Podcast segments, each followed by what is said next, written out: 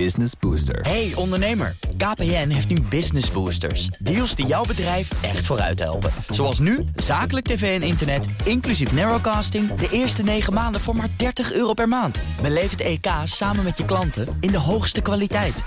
Kijk op kpn.com slash businessbooster. Business Booster. BNR Nieuwsradio. Boekenstein en de Wijk. Hugo. Dit is een extra uitzending van Boekenstein en de Wijk in verband met de oorlog in Oekraïne en de crisis met Rusland. Het is dinsdag, dag 293 van de invasie. En ik heb hier een vraag voor de podcast van René Bouwman. Die zegt er wordt gespeculeerd over opstand onder de Russische bevolking. Uh, wanneer het gaat over de oorlog die Poetin in Oekraïne voert. Er wordt geklaagd over het feit dat er uh, niet zoveel protesten zijn in Rusland tegen deze oorlog. Uh, bo, bo, bo. Hij memoreert dat hier ook werd geprotesteerd tegen de Irak-oorlog. Maar dat wij na zo'n protest lekker naar huis konden. En Russen worden beboet of in de gevangenis gegooid. Uh, wat dat aangaat, uh, zegt hij, zijn in mijn beleving de protesterende Russen toch wel wat dapperder dan wij toen waren. Nou ja, ze zijn eventjes dapper geweest. Hè. In het begin hebben we dus uh, mensen gezien die de straat op gingen. Ja, ja. ja inmiddels is natuurlijk uh, um, uh, weinig meer te zien. Dat wordt behoorlijk de, de, kop ingeslagen. En iedereen die het westerse verhaal daar wil vertellen, die wordt betiteld als foreign agent, een buitenlandse agent. die dan wel betaald wordt of onder invloed staat van het buitenland. En die kan dus gewoon de gevangenis in worden gesmeten. Dus uh, het is ook niet echt aantrekkelijk hoor, uh, om de straat op te gaan en te produceren. Het, ja, realiseer je jongens, het is gewoon echt een autocratie. Waar het, het Kremlin met Poetin als baas toch feitelijk de knoet eroverheen kan halen. En ehm, elk protest de, de kop in kan drukken. En daarbij komt ook nog een keer dat de, de, de leiding in het Kremlin, die bepaalt gewoon welk verhaal wordt, ge, uh, wordt, uh, wordt over Rusland wordt uitgestrooid. Dus ze bepalen ook het narratief. Um, en ja, ze kunnen ook kust en te keur kunnen ze uh, tekeer gaan. bijvoorbeeld Poetin, die heeft, hebben we gisteren ook al even over gehad, die heeft nu besloten om zijn persconferentie, jaarlijkse persconferentie, wat het altijd ontaarde in een soort vragencircus, om die niet te houden aan het eind van het jaar. Misschien wordt die verschoven, maar ook dat zorgt ervoor dat de moeilijke vragen niet kunnen worden gesteld. Hè. Hmm. Dus ja, het is heel erg lastig hoor om in Rusland de straat op te gaan. Ja, als je het vergelijkt met als je dus tegen de Irak-oorlog was en je ging dan de straat op, dan kon je keurig naar huis en dan werd je niet van je bed gelicht. Je kan bijna alles. Hè.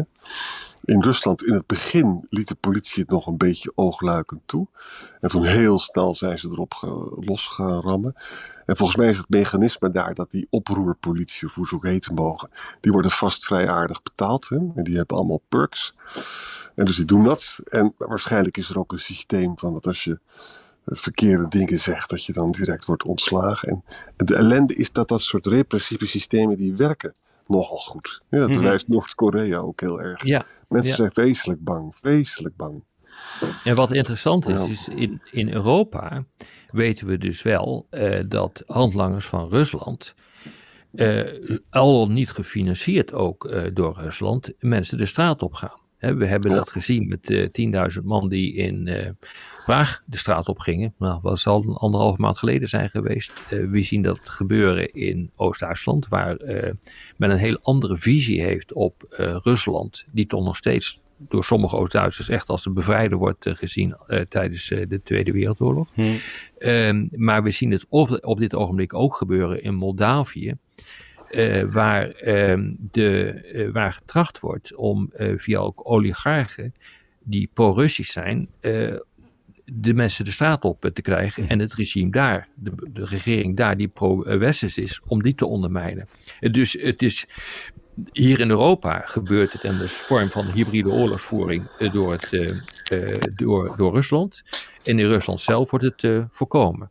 Het is overigens niet zo dat wat er ook gaat gebeuren, Poetin door dit soort protesten automatisch van het veld, van het, van het veld verdwijnt. Dat is dus ook niet zo. Hè? Het is helemaal niet zo dat autocraten opstappen, zelfs als ze enorme nederlagen leiden in het in het buitenlands beleid. Hè. Dus stel je voor dat Poetin onderuit gaat in Oekraïne, dan is het helemaal niet zo dat hij dat verdwijnt. Hè.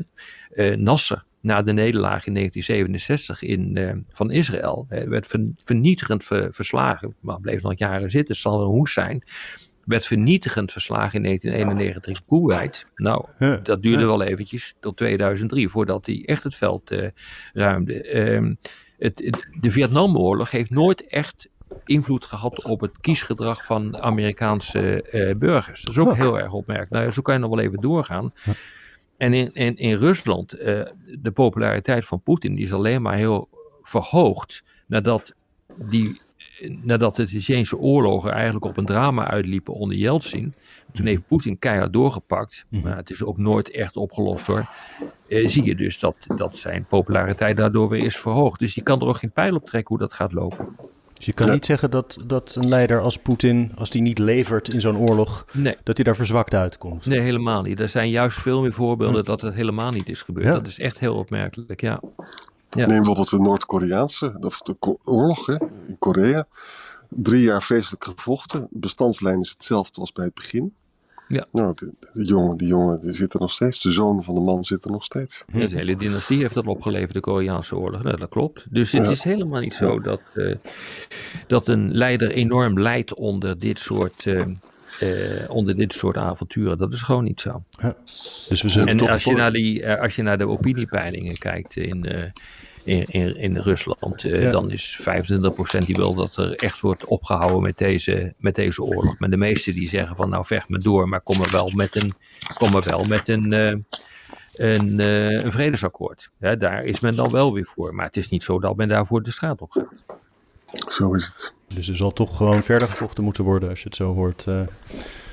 Ja, natuurlijk. Eh, er is geen, uh, politiek gezien is er geen enkele reden om ermee te stoppen voor, uh, voor Poetin. Nee. Ook niet, dus niet als je naar de cijfers kijkt van de, het aantal Russen wat achter die oorlog staat. Niet als je kijkt naar hoeveel mensen de straat op gaan, want die, worden, die blijven binnen omdat ze de straat niet opdurven.